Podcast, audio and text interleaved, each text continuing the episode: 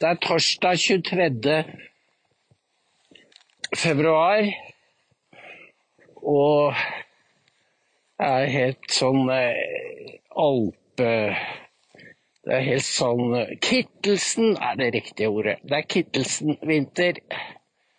Ja, han var en stor kunstner, mye større enn folk er klar over. I dag kom det det var litt morsomt. Han Halse skrev i Aftenposten i går at nå trodde han Volk-bølgen hadde nådd toppen med dette verdensholmaleriet. Nei, Christian Krogh, unnskyld. Men så kom denne meldingen fra Berlin. Og dette er eh, om superhelt som ble tatt av plakaten før den var hvit. Dette er eh, woke-generasjonens hevn. Eller dette er deres fortsettelse av 68-revolusjonen.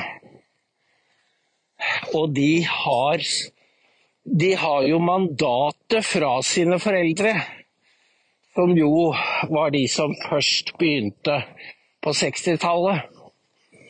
Eh, de er nå blitt gamle og litt avfeldige så det er ikke så mye sprut igjennom dem. Og de har, de, men de har ikke greid å ta noe oppgjør med sin egen ungdomstid. Så nå er det barn og barnebarn som durer videre, og de har tenkt å revolusjonere verden med woke. Det var nihilisme på 60-70-tallet også, men det er mye sterkere til stede med woke-generasjonen den er nihilistisk. Den har ingen grenser. Den har ingen sans for konsekvenser og proporsjoner. Og jeg tror, sånn som hun eh, leder av Kino Filminstituttet eh, dette miljøet, Jeg tror de er ganske sjokkerte, og det tror, var det mange forfattere også som var i går at de kan bli kansellert. Fordi det er en liten gruppe, det er en liten klikk, som sier at uh, dere er uh, Dere bryter mot de nye dogmene. Dere er Dere er rasister.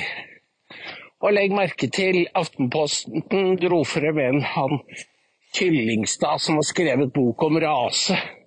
Og han mente dette var en riktig og viktig diskusjon, og NRK dro frem Dag Herbjørnsrud, som jo er en helt marginal stemme. Men han tjente formålet til Aftenposten, som var å hindre at skadevirkningene ble for store. Fordi det er en klar front i det norske kulturlandskapet Trettebergstuen er jo helt woke. Sammen med mediene så lar ikke hun seg løpe over ende. Hun mobiliserer til en, en taktisk retrett. Og så sier hun da at denne diskusjonen var en digresjon. Eh, vi må konsentrere oss om de viktige slagene. Og de er jo nettopp på woke-bevegelsens skanser for henne. Så jeg tillater meg altså selv i en nyhetssak å putte inn hvor linjene bakover, fordi dagens journalister er historieløse. Og de manipulerer over en lav sko. Jeg står på Jeg trodde nesten ikke det var sånn. Jeg måtte sjekke jeg så at eh, NTV hadde skrevet om at Jack Smith stevner Jared og kona Ivanka. Og da liksom krote i seg når de kunne skrive at nå har Jack Smith, han spesialetterforskeren, kommet til Trumps indre krets. Ja vel, tenkte jeg, nå har de Nå har de også eh, sikkert skrevet om at Trump besøkte East Palestine i natt. Nei, ikke et ord. Ikke et ord. Og det sier alt. Altså, eh, krigen mot Trump fortsetter, og oddsene er om mulig enda høyere enn de var sist Fordi hvis de taper nå, så er det, er det dommedag. Sånne som Rupert Murdoch liker å snakke om FBI og alle disse kjeltringene som har overtatt statsapparatet. De er kjeltringer, rett og slett. De fortjener å dømmes. Hvis det skal være noen Nürnberg-domstol, så burde det være over de som har ødelagt USA. Og de bare, fortsatt, bare fortsetter. 10 milliarder mer til Ukraina i dag. Og i morgen er det ettårsdagen for krigen. Så kjære venner, vi blir jo nødt for å si noe. Men eh, Og vi må få frem at det er jo ikke Ukraina vi er imot. Langt ifra. Det var en historie på NTB om rasering av sykehusene. Og det var jo Du merker jo Det var en dame, hun var den siste som var igjen. Hun bodde i kjelleren med noen andre og gikk og peide opp glasskår og merket hvordan bygningen forfalt rundt henne. Der har du den derre tristessen. En sånn egen tristess i Sentral- og Øst-Europa. Men jeg syns faktisk den har begynt å komme til Vest-Europa også, til tross for alle disse her eh, paradebyggerne. Fordi når det får blitt nok import fra MENA-land, så begynner det å bli så søplete og subbete at det er eh, Det er ikke noe trivelig, rett og slett, å gå i gatene. Det får det preget som vi kjenner fra Midtøsten, hvor er det så farlig? Ja, men det gjør ingenting. Og så driver det sånn frityrlykt lukt nedover gata, og det er søppel, da. Selv nye Selv når Raymond bruker mye penger på å freshe opp omgivelsene, så går det et år eller to, så forfaller det. Og hvis man skal Nå var jo Raymond er jo det perfekte eksempel, fordi han er akkurat like populistisk og vulgær som demokratene i USA. Han spiller på rasekortet hele tiden. Hvis du følger Raimonds eksempel, og nå ga han jo dette intervjuet til NTB hvor han sier at de som er mot utenlandskablene, de er mot Europa. De er på Putins side. De vil at europeere skal skal eh, fryse. Hvis ikke dette er populisme, så er det har ikke ordet noe navn. Og det koster ikke Raimond en kalori å kline til, kline til sine motstandere. Det er jo sånn, I New York så går de rundt og, og, og, og tørker bæsj eller menneskeavføring i ansiktene på folk som sitter på benkene. Det er egentlig det Raimond gjør også. Han sviner til folk. Og det gjør også Biden. Dette er den nye venstresida som er helt uten hemninger. Fordi eh, de er redd de ikke skal klare å skape den nye dystopien. Det er ikke utopi denne gang, det er dystopi. Og hvis Raymond får viljen sin, så kommer hele Norge til å ligne på Grünerløkka. Han har jo Nei, hva er det jeg sier? Groruddalen. Da blir hele landet, først Oslo. Jeg eh, skal gi et eksempel. Ba, eh, og Biden har eh, vil innføre en sånn eh, ny, nye regler for husbygging i oss, såkalt zoning i USA hvor det skal bygges kommunale leiligheter i de rikes områder. Det skal.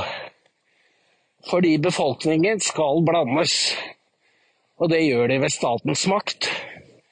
Det var jo noe av det samme Lippestad holdt på med, men han kom ikke så langt. Han ble jo innblandet i ganske korrupte transaksjoner som han, eh, han måtte trekke seg ut av Oslo kommune.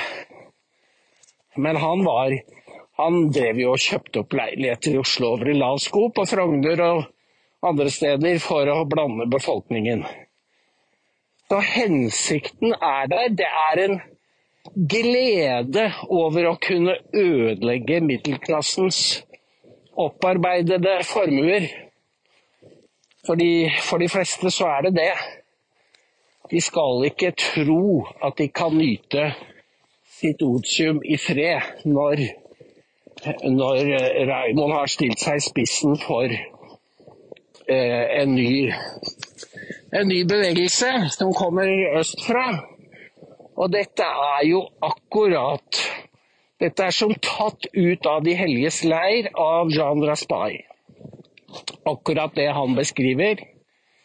Det kommer en million båtflyktninger inn til Marseille på noe, eller Rivieraen på noen skrøpelige båter og går i land, og de erobrer Frankrike. Og det er pga. politikere som Raymond, som har ønsket dem velkommen. Den, den romanen er helt utrolig fordi de replikkene som ligger der, og den utviklingen, den passet perfekt til det som skjedde i Europa, særlig fra 2015 og utover.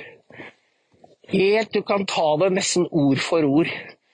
Fordi i boka så er det også sånn at var det statsministeren eller presidenten skulle eh, slå i bordet og si at dette må vi stoppe. Vi må sette inn hæren og rydde opp. Men når han sitter foran mikrofonen, så klarer han ikke si det. Og så stynker han sammen som en liten klatt og kommer med noen selvfølgeligheter. Og der glapp den sjansen. Og sånn er det med våre politikere. De har ikke klart å manne seg opp og reise kjerringa, tvert imot.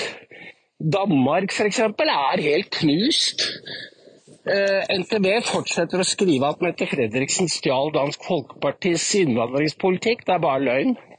Det skriver jo NTB for å slippe å forholde seg til at Danmark har kapitulert. Og det har jo også EU. De skulle, Forutsetningen for Schengen var å beskytte de ytre grensene. Og det gjør de ikke, og de vil det ikke. Og mediene sier bare se på vår brutalitet. Alle må få komme. Alle som klarer å ta seg til Middelhavets eh, grenser må få, og legge ut, må få inn i Europa. De, de vet godt at våre samfunn ble ødelagt, men de sier det likevel. Og hvorfor gjør de det? Har de ikke barn? Tror de ikke at de kommer til å bli gamle? Men det er dette som er woke. Det er dette som er woke. Det er en demonisk vekkelse, og den ender med, den ender med at våre samfunn blir ødelagt. Det gjør det. Så hva kunne hindret Hva kunne hindret den, denne kollaborasjonen, for det er det det er? Det er kollaborasjon med en fiende. Jo, det ville jo at det var Det var jo nok at det var en håndfull journalister som stilte eh, Raymond til veggs. Men det samme kan du jo si om USA, og det skjer ikke fordi journalister er blitt flokkdyr som eh, disiplinerer og vokter hverandre, sånn at ingen viker for mye fra det som er hovedlinja. Og dermed fortsetter utviklingen i samme, samme spor. Jeg ble, jeg ble litt handikappa at jeg går med disse proppene, for det er som å ha en sitte nedi ei klokke.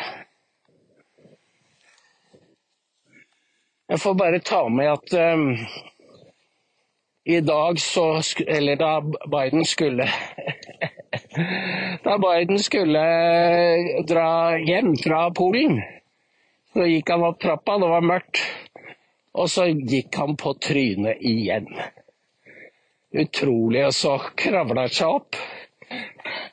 Og snur seg når han er på toppen og, og gjør kommandohilsen. Så hadde vi levd i et normalt land, så ville jo den, ville jo den lille snutten vært overalt. Men det er det ikke. Nå møter jeg noen folk her.